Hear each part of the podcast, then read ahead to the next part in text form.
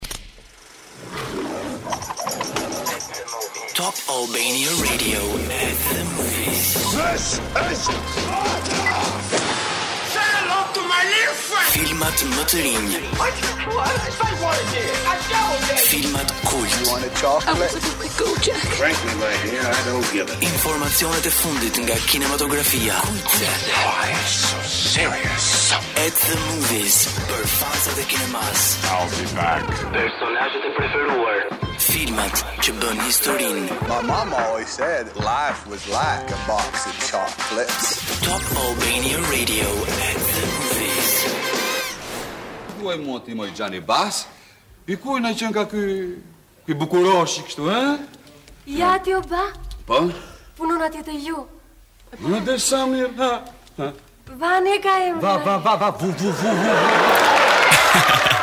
Dëgjuam për pak çaste zërin ikonik të aktorit Anastas Kristofori, i cili u nda nga jeta në moshën 78 vjeçare. Një aktor shumë shumë i dashur për ne, i njohur si Perikliu i Pallatit 176 për më shumtin po themi e, e publikut shqiptar, Edhe pa dyshim që ishte një lajm i trisht për kinematografinë shqiptare, megjithatë performanca e tij, zëri i tij do të jetë absolutisht um, i paharruar edhe i shkruar tashmë në historinë e kinematografisë shqiptare apo jo Arta. Ne e duam shumë Pallati 176 sidomos. Patjetër, edhe sidomos um, Anastas Kristofori i ka dhënë një tjetër vlerë të gjithë komedisë që vijon të pëlqehet edhe të shikohet me shumë dëshirë dhe shumë kërshëri edhe sot. Megjithatë, Duhet thënë që dhuntitë e aktorit për të karakterizuar figura origjinale të shoqëruara nga një sens humori, nga fjala konkrete si dhe nga ndjesia e vërtetësisë, i kanë dhënë shansin atij për të qenë një aktor i shkëlqyer dhe i parapëlqyer edhe në shumë shfaqje të tjera në teatër, si familja e peshkatarit, mm -hmm. duke mhm. gdhirë viti 45, shënomëni edhe mua, uh, komunistët, nën dritat e skenës, shkallët, ndërkohë në kinematografi ka luajtur 7 filma, prej tyre më i realizuari dhe më i plotë ishte roli i tij në filmin Lulëkuqet mbi mure vitit 1976, gjithashtu mban dhe titullin Artist i Merituar. Absolutisht i jashtëzakonshëm Anastas Kristofori dhe do t'i mungojë sigurisht uh, kinematografisë, megjithatë ashtu siç thashë edhe pak më parë, ai tashmë jeton përgjithmonë. Kemi nisur kështu at the movies Kemi dy premiera të cilat vijnë në Cineplex, njëra prej tyre është shqiptare. Uh, na vjen shumë mirë që muajt e fundit kemi folur pafund për premiera shqiptare në Cineplex për filma të rinj.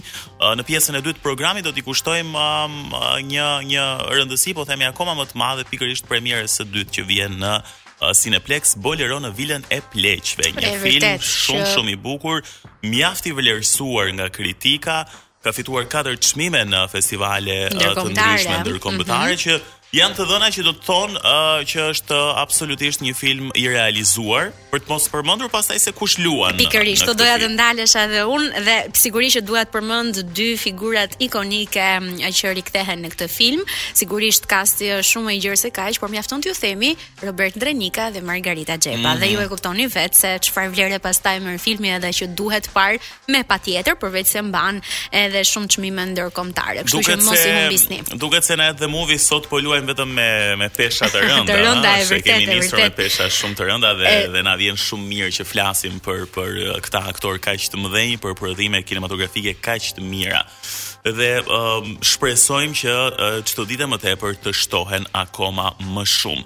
Do të kemi muzikë shumë të mirë deri në orën 15, uh, si çdo të premte së bashku, Wizi DJ është në anën tjetër. Ka shumë diell sot, po ne do t'ju rikujtojmë pak, uh, kam vënë re në fakt që këtë këngë ne nuk e kemi transmetuar asnjëherë dhe Vërtet? si ka mundësi domethënë thënë është e pamundur që të mos transmetosh një këngë si kjo. Edhe pse sot është kohë me diell dhe sigurisht na ngjall optimizëm. Mm, uh, kënga që vjen tani po na bën pak melankolike dhe na bën pak të ndihemi keq ndoshta për shkak edhe të filmit, sepse kjo është kolonë zanore e filmit Titanic, që Celine Dion është e mrekullueshme në My Heart Will Go On. All the films in one radio show.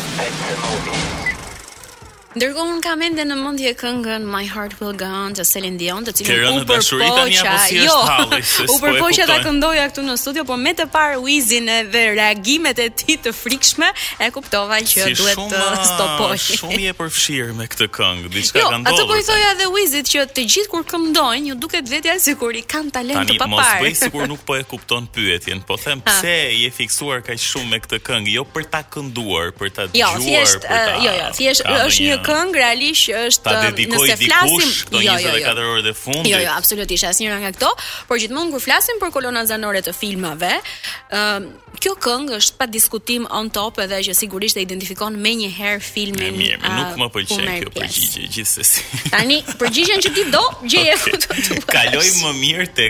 Ëë premiera e parë që vjen në Cineplex. Dy kanë ardhur në Cineplex duke nisur që nga dita e djeshme kanë filluar të shfaqen, që iu bashkangjiten sigurisht edhe shumë filmave të tjerë që Cineplex ju ofron. E para është Moonfall, edhe është tërësisht nga ato filmat që mua më pëlqejnë shumë edhe ë uh, të mban atë fantazinë dhe atë frymën gjatë gjithë kohës, kështu je je uh, impresionuar sepse është fantashkencë. Edhe po shtohen uh, shumë filmat që kanë në subjektin e tyre fundin e botës, ndoshta edhe për shkak të pandemisë këtyre dy viteve të fundit, kemi parë shumë skenarë që flasin o për një fund bote që vjen nga një pandemi, nga një shpërthim, nga një, një kometë, kometë, dhe duket se edhe ky film ka një subjekt pak a shumë të ngjashëm, bëhet fjalë për një forcë um, misterioze uh, dhe për një objekt misterios që godet hënën. Mm. Nga uh, goditja e fuqishme që shkaktohet në hënë, uh, më pas rrezikohet edhe toka. Pra në një farë mënyre, um, nga shtytja që jep uh, ky objekt hënës, rrezikon që mhm. hëna të përplaset me tokën. Disa javë përpara se të ndodhë kontakti, siç uh, thuhet në gjuhën shkencore, pra ose përplasja e madhe, Ëm um, një grup bëhen bashkë pikërisht për të gjetur një zgjidhje se si ta parandalojnë këtë shkatërrim uh, të botës që ne njohim sot. E ndjekim trailerin edhe të marrim atë pak atë atmosferën se çfarë mm. ndodh në film megjithëse vetëm shkatërrime pritet që të ketë në film. If you're watching this thing you know by now a huge problem is heading our way an emergency meeting is being called at our usual place immediately. Free bagels. I've made a shocking discovery. I need you to get me in touch with NASA immediately. Well, NASA and I aren't really on speaking terms these days. Well, that'll change. When you tell them that the moon is out of orbit.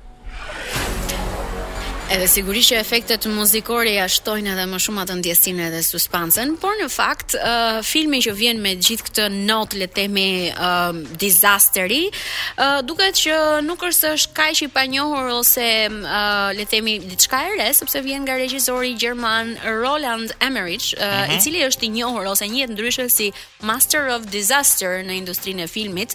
Kujtojmë këtu të tjerë filmat e tij si Universal uh, Soldier i vitit 92, Star um, Stargate i 94-s, Godzilla The Day After Tomorrow 2012 ka qenë një tjetër film, uh, sepse vite më përpara e, e gjithë bota uh, vuante nga ajo nga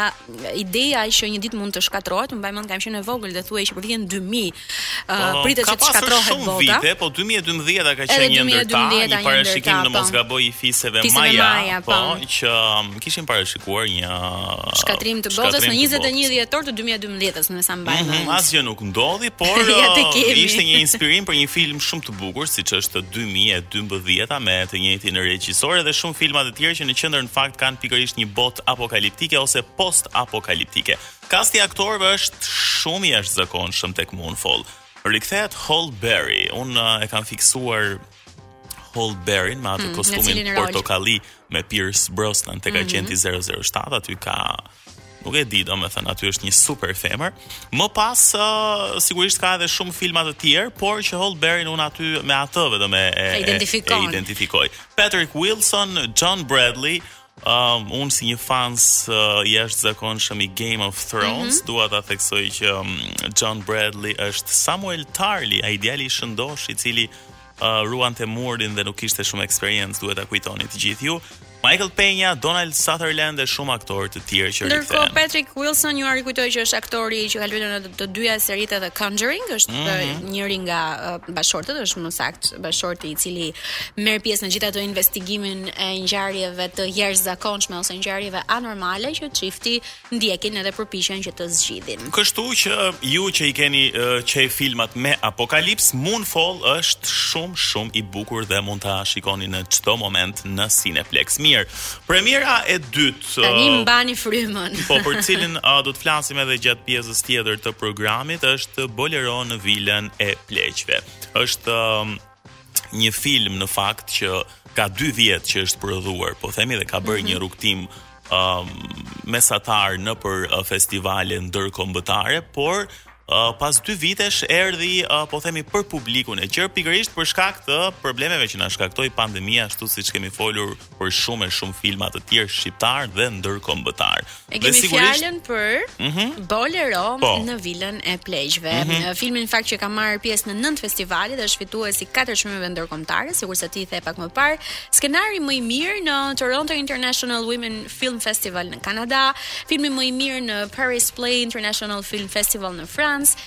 Skenari më i mirë në Fusion Film Festival në Poloni, regjisori më i mirë në International Filmmaker Festival of New York në New York. Çmime të rëndësishme, por për çfarë flet uh, Bolero në vilën e pleqve? Në qendër të filmit është një çift pleq që janë detyruar të jetojnë të vetëm, uh, po themi në vitet e fundit të jetës së tyre, edhe pse kanë tre fëmijë. Djali i tyre u siguron një punëtore shtëpie në dukje një vajze e qetë dhe e përkushtuar, por vajza e pleqve që në impaktin e parë duket se nuk e pëlqen aspak mysafiren e re në shtëpinë e prindërve, bën që ajo të zhbirilojë, po themi mbi jetën e saj, nga ku mëson se me kë ka të bëjë. Në fakt vajza që vjen për të ndihmuar A, në mos gaboj, luhet nga Gentiana, Gentiana Ramadani, Ramadani e cila është në po në në rol është edhe një vajzë lesbike dhe mm -hmm. përballet edhe me paragjykimet e shumta mm -hmm. uh, lidhur me këtë uh, me këtë gjë Ndërkohë, Robert Ndrenika dhe Margarita Xhepa nuk ka nevojë për fjalë se çfarë performance dhurojnë në këtë film, pra është një kombinim shumë i bukur i aktorëve të vjetër me aktorët e rinj. Po, kemi dhe Olta Dakun, kemi Olta Gixharin, Afrim po, Muçaj, shumë shumë të tjerë. Po, shumë aktorë të tjerë në fakt që janë bërë uh, janë bërë pjesë edhe duhet thënë se është um, është një film që prek shumë edhe realitetin shqiptar edhe um, të ditëve të sotme dhe shumë problematika njëkohësisht. Pra, çështjen e paragjykimeve një, Um, pse jo dhe kjo çështja e braktisjes së prindërve ka uh, në këtë rast prindërit jetojnë në shtëpinë e tyre në fakt mm -hmm. që është gjysma e së keqes por uh, Padyshim që ka raste pafund ku uh, shumë uh, shumë fëmijë dërgojnë prindërit e tyre të moshuar edhe nëpër azile pleqsh etj etj ndoshta për shkak të pamundësive për shkak të një zgjedhje etj etj gjithsesi Uh, ky film është frymëzuar nga uh, një roman i Fatos Kongolit me të njëjtin titull. Me të njëjtin titull i shkruar në vitin 2008 pati një sukses të jashtëzakonshëm dhe siç duket kjo frymëzoi regjisorin e filmit Spartak Pecani që ta kthente në një film dhe duket se ia ka dalë më së miri pasi ka rezultuar mjaft i suksesshëm. E ndërkohë kur bëhet fjalë për artistë kaq të mëdhenj, unë them um, t'i dëgjojmë pak sepse dhurojnë emocione, qoftë edhe me pak sekonda nga traileri.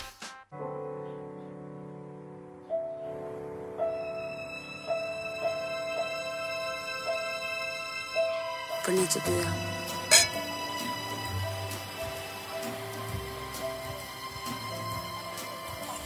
Më trego diçka për veten, kam dëshirë të di për ty. Ç'të them? Nuk ke dashuruar ndonjëherë? Më shumë se e ma. Ok, këto ishin uh, pak momente uh, nga traileri i Bolero në vilën e pleqve. Por do të flasim më gjatë uh, për këtë film, sepse Pas pak bashkë me ne në studio do të jenë edhe dy producentët e këtij filmi për të zbuluar pak më tepër, po themi si ka lindur bashkëpunimi, si ka lindur uh, ideja për filmin dhe uh, çfarë pritet më tepër uh, nga ky film. Uh, sigurisht për shkak të pandemisë rrugtimi nuk ka qenë i plot nëpër festivale ndërkombëtare.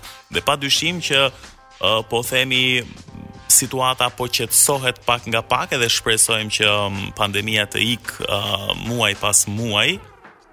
Dhe kjo do të ishte një gjë shumë e mirë uh, edhe për filmin, por edhe për kinematografinë në përgjithësi, pse jo për të konkuruar në festivale të tjera, për të fituar më shumë çmime, Dhe sigurisht presim tani se si do të jetë edhe kritika e publikut. Po themi kritika profesioniste e festivalit. Është marrë tashmë edhe po themi që është marrë tashmë. Çmimet po. e trofetë që janë marrë. Ndërsa uh, do të presim se uh, si do të pritet ky film nga publiku dhe më pas uh, të vazhdojë rrugtimin e tij të suksesshëm. Lajmi më i mirë është rikthimi sërish i Robert Ndrenikës edhe i Margarita Xhepës, edhe aq më tepër kombinimi i të dyve bashkë. Megjithatë vetëm pas pak vijojmë të flasim për të tjera detaje rreth filmit me dy bashkëproducentët Olti Abazi dhe Agim Halili. Shumë energji po ju sjellim sot me këngët, por jo vetëm, ju sollëm edhe dy sugjerime të cilat duhet të shkoni t'i shikoni patjetër, por siç e thamë sot theksin e vëmë tek premiera shqiptare, Boleron në Vilën e Pleqve, sigurisht jemi tani në studio me dy bashkëproducentët, zotin Agim Halili dhe Olti Abazi, mirë se vini në program. Mirë se erdhët. Ëm Po flisnim fakt edhe para se të futeshim uh, on air, edhe po diskutonim pikërisht um, për programin, po themi për të gjithë kohën që i kushtojmë kinematografisë dhe na vjen mirë që i kemi uh, të dy producentët këtu, sepse veç këtij filmi ka pasur edhe shumë uh, gjëra të tjera që kemi folur së fundmi për snobin e tjerë e tjerë, kështu që uh, siç e thamë edhe në fillim na vjen mirë që prodhimet shqiptare uh, po shtohen. Por sot jemi për Bolero në vilën e Pleqve. E nisim bisedën me ju uh, Zoti Halili. Ë ky film ka dy vjet që që ka përfunduar apo jo? Po. Po për shkak të problemeve që solli pandemia e koronavirusit, uh, tek publiku erdhi pak më vonë. Por le të shkojmë uh, po themi tek gjeneza e filmit. Si si u bëtë bashkë për ta sjellë këtë film, i cili duhet thënë që është uh, bazuar tek uh, romani romani i Fatos Kongolit që është shkruar në vitin 2008 me të njëjtin titull dhe që ishte shumë i suksesshëm. Ekzaktësisht, filmi e ka gjenezën nga romani i Fatos Kongolit, Bolero mm -hmm. në vilën e pleqve. Momenti i parë ishte kur e lexuam romanin bashkë me regjisorin Spartak Pecani, Pecani po. ramë të dy dakord që ky projekt ia vlen. Pastaj nisi një përgjegjësi për ta kthyer romanin në skenar, pasi është dashur një periudhë shumë e gjatë për ta bërë këtë transformim mm -hmm. nga romani në skenar, është dashur të prodhojmë 4-5 versione të skenarit. Derisa arritëm një version që thamë ok, tani jemi gati për të filluar. Natyrisht, me mbështetjen e Qendrës Kombëtare të Kinematografisë, patëm dhe një mbështetje nga Qendra Kinematografike e Kosovës dhe nga Radio Televizioni Shqiptar. Në këtë moment vendosëm që duhet ta realizonim filmin dhe atje u gjendëm bashkarisht me Olsin dhe me mhm. Nilor Filmin dhe të dyja kompanitë Eclipse Film Production dhe Nilor Film u bënë promotori për ta kthyer nga projekt në realitet. E vërtetë, duhet thënë se um, edhe gjetja e kastit të aktorëve uh, ishte e jashtëzakonshme. Ky, uh, ky kombinimi i aktorëve uh, të vjetër me aktorët e rinj, bazuar pastaj edhe tek historia e filmit, duket se janë përshtatur uh, më së miri. Në momentin Olsi kur filloi, po themi kjo um, çështja e prodhimit të filmit ende nuk kishte pandemi. Um, duke u ndalur pak edhe te kjo problematika në Shqipëri, a është e vështirë, po themi që të gjesh burimet e duhura për të bërë një film të mirë në Shqipëri? Është e vështirë për të bërë një film nëpër botë është e vështirë. Është e mhm. vështirë ta bësh në Shqipëri është dy herë më e vështirë. Që ne sa herë jemi për projektin, Vetëm nëse mund të afrohesh dhe pak tek mikrofoni, më Nëse ka të bëjë po. me me një projekt të madh siç është filmi, uh, parashikojmë që do jemi në mes të detit. Pra, me anije në mes të detit, të tilla janë vështirësitë janë shumë të mëdha. Dhe po me gimin dhe ba, dhe bashkërisht me të gjithë kastin që përgatitëm me Redi Trenin, me Latif Asollin dhe me regjisorin Spartak Pecani, Krijuam një frymë të jashtëzakonshme që është shumë e rëndësishme. Kjo fryma e njerëzve që vendosin ta çojnë këtë anije në det është shumë e rëndësishme që ajo të përcillet edhe te të tjerët. Dhe kjo bëri që filmi sot të jetë të paktën me aq sa unë kam dëgjuar, sa është thënë dhe sa ato njerëz që marrin vesh nga filmi po si ne, Kanë thënë që është një nga filmat më të mirë në mos, më i miri, po themi një nga filmat më të mirë të, reali, të realizuar pas viteve 90. Veçanërisht me pjesëmarrjen e Robert Ndrenikës mm -hmm. dhe Margarita Xhepës, po, po edhe mm -hmm. të gjithë figurë dhe figurave letrare që trajton filmi, fakti sa i ndjeshëm është, trajton jetën e, e dy pleqve që janë në pension e tjerë e tjerë, e gjithë linja e filmit bën që ti të shkosh në kinema, Filmi është gati gati 2 orë dhe ti mos ta mhm. kuptosh fare dhe kur e gjen veten në fund të filmit që është Na the që është konsideruar si një ndër filmat më të po, bukur pas vitit 90. Nuk është nuk është nga këto nga këto lale lule të tepërta. Se nuk kemi më shumë të tillë se duket sikur jemi të etur për filma të tillë. Jemi shumë të etur për filma dhe po që ne të kemi më shumë filma duhet që njerëzit të shkojnë kinema. Mhm. Mm nëse nëse njerëzit e ngrejnë atë gjën me dy gjëra me nder dhe shkojnë në kinema të shohin filmat, do bënin mirë sepse ndihmojnë producentët shqiptarë, ndihmojnë aktorët shqiptarë, ndihmojnë filmat shqiptarë, ndihmojnë produktin shqiptar, ndihmojnë artin shqiptar, ndihmojnë të emetohen vlerat e Shqipërisë. Nëse nëse nuk nuk është ai që do të blej bukën, ai bukëshitësi nuk shet dot më. Është vërtet. Kështu që ajo luftë, ajo luftë që ne duam të fillojmë mm -hmm. është që të çojmë njerëzit në kinema, të shkojnë të shohin filma shqiptar, sigurisht mund mos t'i pëlqej, por le të flasin çfarë nuk i pëlqeu. Mm -hmm. Dhe pastaj le të bëhet një gjë tjetër, po pra pra kjo mm -hmm. kritika e mekanizëm, le të ndërtohet një mekanizëm shqiptar për të trajtuar gjërat tona. Ne kemi mekanizma vetëm të trajtojmë se çfarë bëjnë të tjerët.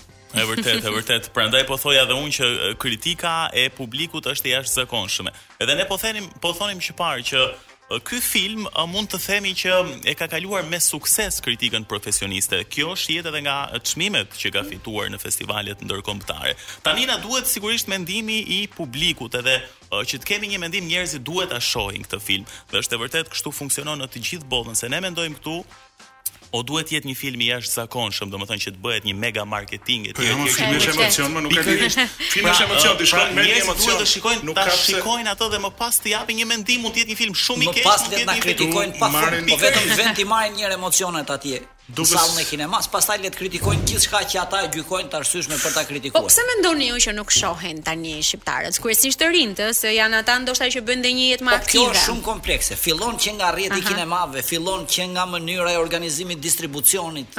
Domethënë është shteti që duhet vër pak më shumë dorë. Rrjeti i kinemave që duhet të shkojë. Dua të bëj një pyetje, a kanë prishur punë, ëh, disa filma që mbase nuk janë cilësor, po, po, po, është e vërtetë, po jo, ndaj ta thashë pak më përpara, ata kanë prishur pak, sigurisht ta themi edhe me plot gojë. Sepse për çdo film, përfshi këtu dhe filmat që ne kemi bërë si produksion. Pra ka një keqorientim të publikut po. Le të kritikohen. Është më mhm. mirë të shkojnë të shikojnë dhe të kritikojnë se sa të mos i shikojnë. Ai është trishtim kur nuk shkojnë të shikojnë. Ti bën një produkt me mhm. shumë sakrifica, siç e tha dhe Olsi pak përpara. Filmi është industri e rëndë, kërkon një punë të jashtëzakonshme, mhm. pa hyrë në në detaje, në hapësira, po, po. kërkon shumë punë për të realizuar. Ti bën një punë të jashtëzakonshme, me shumë sakrifica, me një grup shumë të madh njerëzish arrin madje disa herë të kesh edhe sukses ndërkombëtar, siç mhm, është rasti i Boleros. Rasti po, jonë po, është po. filmi ka marrë pjesë në 9 festivale dhe ka fituar 4 çmime ndërkombëtare. Edhe çfarë do të thotë, domethënë, të marrësh pjesë në një festival do të thotë që në një festival shkojnë 2000 filma. Mhm. Ato pranojnë 40. Okej, që këtu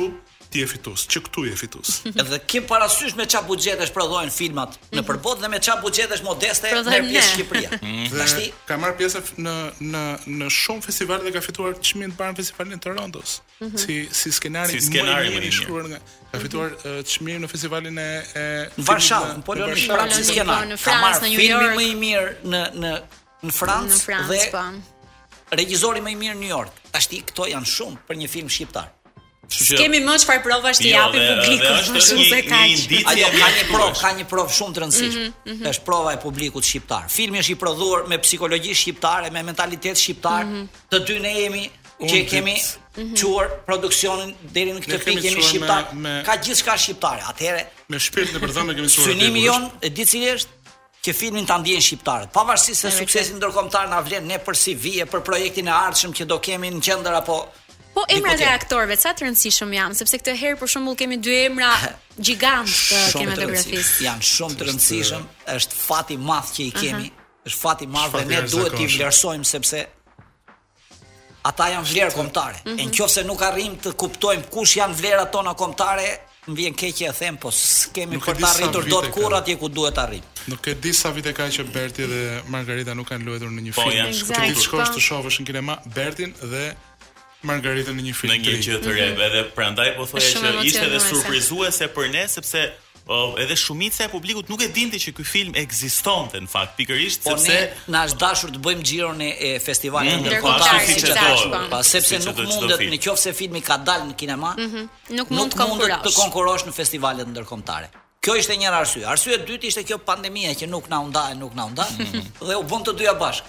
Tashti pandemia pothuajse Po, e vërtetë në fakt sepse në kinema vazhdojnë ende të respektohen ato kërkesat, gjë që ndoshta është për të ardhur keq në një vend ku turmat nuk është se po, nuk po lejohen. Pandeminë tash ne po e kalojmë dhe pothuajse ky kapitull u mbyll. U bëj thirrje të gjithë dëgjuesve që po na dëgjojnë. Ëh. Mm që të marrin shokë, miq dhe të shkojnë ta shohin këtë film. Nuk është nuk është një thirrje si të gjitha thirrjet. Është një thirrje e veçantë sepse është rasti për të parë një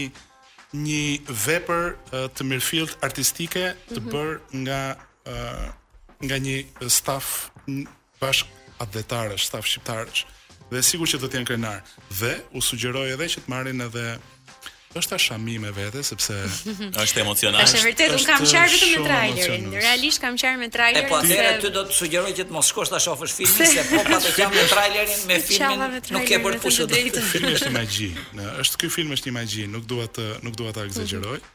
Po nuk po ekzagjeroj, është një magji. Ti shkon atje dhe ti ë bëhesh njësh bëhesh njësh thuajse me të gjithë personazhet, Mhm. sepse vjen aq natyrshëm, vjen aq organike loja e gjithë secilit, sa ti e gjen veten brenda brenda edhe edhe edhe gjyshit edhe gjyshes. Mm -hmm. Dhe unë sugjeroj që të shkojnë të marrin dhe shami me vete dhe atë shami ta ruajnë pastaj që të tregojnë se kjo është shamia që e kam përdorur për të parë një film shqiptar në kinema. Avantazhi tjetër i këtij filmi është se çdo njeri e gjen veten aty. 18 vjeç e sipër, gjithsekush ka një copë nga jeta e vet aty. Dikush ka prindin, dikush ka gjyshen, dikush ka gjyshin, dikush është vetë në ato pozita. Mm -hmm. është më se e sigurt që përfshin të gjitha moshat. E thamë edhe pak më parë që trajton disa çështje shumë të rëndësishme paragjykimin këtë braktisjen po edhe delikate të, të, të po, aktualitetit të të prindërve um, marrëdhënia në familjet shqiptare mes njëri-tjetrit mes mes fëmijëve mes fëmijëve dhe prindërve ashtu siç e thatë edhe ju uh, të gjithë gjejmë veten nga pak tek tek ky film po një gjë që doja të thoja është se duam apo s'duam tani uh, po themi një matës paraprak se A do të shkojnë njerëzit ta shikojnë apo jo? Janë, duam apo s'duam rrjetet sociale dhe kam mhm. parë që në rrjetet sociale është pritur mjaft mirë, edhe kam pasur uh, kam parë një dëshirë të njerëzve për për të shkuar edhe për ta parë këtë film, ndoshta edhe për shkak të emrave, ndoshta edhe për shkak se i janë bërë mjaft biseda edhe nëpër studio të tjera, njerëzit e kanë kuptuar se për çfarë bëhet fjalë, edhe urojmë vërtet që njerëzit ta shikojnë. Unë un vajtja e njerëzve në kinema, vajtja e filmshikuesve në kinema është një tokë e papunuar. Është, para që ti të mbjellësh një farë do duhet të punosh tokën, mm -hmm. pastaj akoma ne nuk kemi vajt të mbjellim farën, nuk kemi punuar tokën. Dhe ne shpresojmë që nëpërmjet këtij filmi ta zgjojmë këtë interes ose me këtë paralele që hoqa të quajmë sikur po fillojmë po punojmë tokën. Kështu që shpresoj shumë. Shpresoj shumë dhe uroj që ato që na dëgjojnë këtë amanet ta çojnë deri në fund, shkojnë të shohin. Edhe po m'u kujtua një shprehje tani sa do doja që ta quanim këtë film Bolero në vilën e pleqve si filmi që shpëtoi kinemanë. Ah sa bukur do të ishte. Do ishte shumë bukur. Ose po themi që e riktheu, e riktheu publikun se edhe një gjë të fundit që doja ta diskutoja me juve ka besoj një problematikë edhe publiku në këtë Jo, publiku s'ka asnjë problem. Problematikë jo, nuk e di nëse si mund ta quaj Olsi, po Uh, nuk e di filmat e rëndë, filmat jo me peshë kam përshtypjen që publiku shqiptar i merr hmm? pak me frikë. Mos do. Po jo, ma shiko, nuk ka të bëjë me peshë, ka të bëjë me ka të bëjë me faktin që ë uh, këtu në Shqipëri uh, nuk është prodhuar, në përgjithësi nuk prodhohet gjë. Pra, nuk prodhohet. Mm -hmm. uh, prodhohet televizion, prodhohet radio, po mm -hmm. fillon dhe mbaron aty. Dhe televizion prodhohet, televizion filloi të prodhohet pasi Top Channel ishte on air, atëherë filloi të prodhohet po, televizion, po, po. me thënë drejt. Mm -hmm. Po kinematografi nuk është prodhuar, kinema nuk është prodhuar. Buxhete ka shumë pak, shumë pak, shumë pak. Që do thotë ti kur prodhon, njerëzit fillojnë të gjykojnë. Pra nëse do heqim një paralele me televizionin ku prodhohen emisione, mm -hmm. njerëzit shohin emisione dhe thonë, "Shiko, Big Brother është unë e shoh Big Brother sepse ka këtë. Nuk e shoh këtë tjetrin sepse ka këtë." Për filmat nuk e thonë. Dhe jemi në një moment ku u prodhuan 2, 3, 4 apo 5 filma kohët e fundit, të cilat për shumë Ngjallën njerëz që debate, prisnin të vërtet, prodhohej po. një gjë në kinema, ishin si të thuash, ok, kjo u prodhoka në Shqipëri, Mhm. kaq u prodhoka pa pa pa vlerësuar fare filmat. Po ky kaq po prodhohet? Jo, nuk prodhohet vetëm aq, prodhohen edhe gjëra të tjera. Kështu që për ta hapur, për ta zgjeruar këtë lloj këndvështrimi, për të kaluar me një lente më më të gjerë, Ky film mendoj që do ta do ta rikthej këtë Pra ju po sillni produktin. Ne po sjellim produktin. Tani duhet konsumatori po. të vijë dhe ta konsumojë produktin. Natyrisht edhe konsumatori duhet edukuar. Si exact, duhet edukuar? Pikërisht. Pra. Media bën punën e vet, mm -hmm. rrjetet sociale bëjnë mhm. punën mm -hmm. e vet. Po të pak të timë shojnë, kjo që po bëjmë ne kjo gjë. Ky është produkt mm -hmm. shqiptar. Mm -hmm. Atëherë ata që duhet ta konsumojnë, ky është meraku im më i madh. Ata që duhet ta konsumojnë janë shqiptarët. Ato çmimet na vlejnë ne për CV, për projektet e ardhshme. Ata që duhet ta konsumojnë këtë produkt që kemi bërë janë shqiptarët. Le të na gjykojnë, le të na thonë po deshën edhe që nuk bën. Çfarë ka po tjetër? Po vetëm ta shikojnë. Çfarë ka tjetër në horizont? Cilat janë planet tuaja më të afërta për një film tjetër, për një produkt tjetër? Është super gjë. Është një gjë shumë e bukur. Prap, ky film është bashkëpunim me Fatos Kongolin mm -hmm. për romanin Bolero në vilën e pleqve, mm -hmm. që sapo është mbyllur. Mm -hmm. Tani Fatosi ka prodhimtari të madhe. Okej, prap pra, bazuar në librat e tij. Është romani Lëkura e qenit, romani oh. më i vlerësuar i Fatosit, uh -huh. i cili është futur për zhvillim në Qendrën Kombëtare të Kinematografisë, okay. ka fituar një mbështetje fillestare për fazën e zhvillimit dhe këtë vit në konkursin më të parë që do ketë, uh mhm. -huh. do të paraqitet prap për prodhim këtu bashkëpunëtor Për momentin kemi në Francë. Mhm. Mm dhe në Kosovë për projektin e ri po flas, sepse kushti i qendrës kinematografike është që duhet të kesh bashkëpunëtorë të huaj. Janë përcaktuar 2-3 rolet kryesore, po e, akoma jemi okay. shumë herët, janë po, po. aktorë të jashtëzakonshëm prap në këtë projekt. Aty edhe aty janë, jo po, vetëm shqiptarë, por edhe ndërkombëtarë. Janë edhe Robertin edhe ndërkombëtarë. Janë edhe ndërkombëtarë, por shumë nuk mund të zbuloj se sa ka, po ka aktorë që kanë kanë treguar veten në film në filma shumë të mëdhenj europianë. Okej, okay. domethënë okay. ka nisur, ka nisur rruga kur më përmendët uh, lëkurën e qenit këtë këtë roman, nuk e di, uh, shpresoj shumë që ta shoh ashtu si e imagjinoj unë filmin dhe besoj se po. Shumë faleminderit që uh, ishit suksese. Uh, Mesazhi besoj u dha. Shpresoj që filmi të ketë uh, sukses, të shihet sa më shumë nga publiku dhe këtu do jemi për të folur edhe për kritikën. E thamë që e rëndësishme është ta shohim. Pastaj se çfarë mendoni, jeni të lirë ta vendosni vetë. Faleminderit. Shumë faleminderit. Ju uroj suksese. Ju uroj suksese. Pyetja e fundit fare vetëm për për të përshëndetur së bashku sigurisht, ndërkohë nuk e kemi pa shpallur edhe fituesin ose fituesen e quizit. Javën e kaluar u publikua vetëm një sy i një aktoreje. Edhe gjithmonë këto syt blu ngatrojnë të gjithë ndjekësit, sepse edhe këtu ka pasur me sa duket disa alternativa që janë dhënë Disa kanë sugjeruar që aktori aktorja misterioze është Kate Hudson, Nicole Kidman, Jennifer Aniston të tjerë, Blake Lively të tjerë. Megjithatë, përgjigja e saktë është dhënë nga Joana Veliaj, Cate Blanchett ishte përgjigja e saktë. Okej, okay, dhe është bërë fituese e dy biletave për në Cineplexx, mund të shkojë të shikojë filmin e saj të preferuar dhe njërën nga premierat që folëm pak më parë. Ktu kemi mbërritur në fund sepse kemi kaluar çdo limit kohor, bashkë do të jemi sërish të premten e ardhshme për të folur për premierat e reja, sugjerime të tjera filmash, serialesh, kalofshi bukur.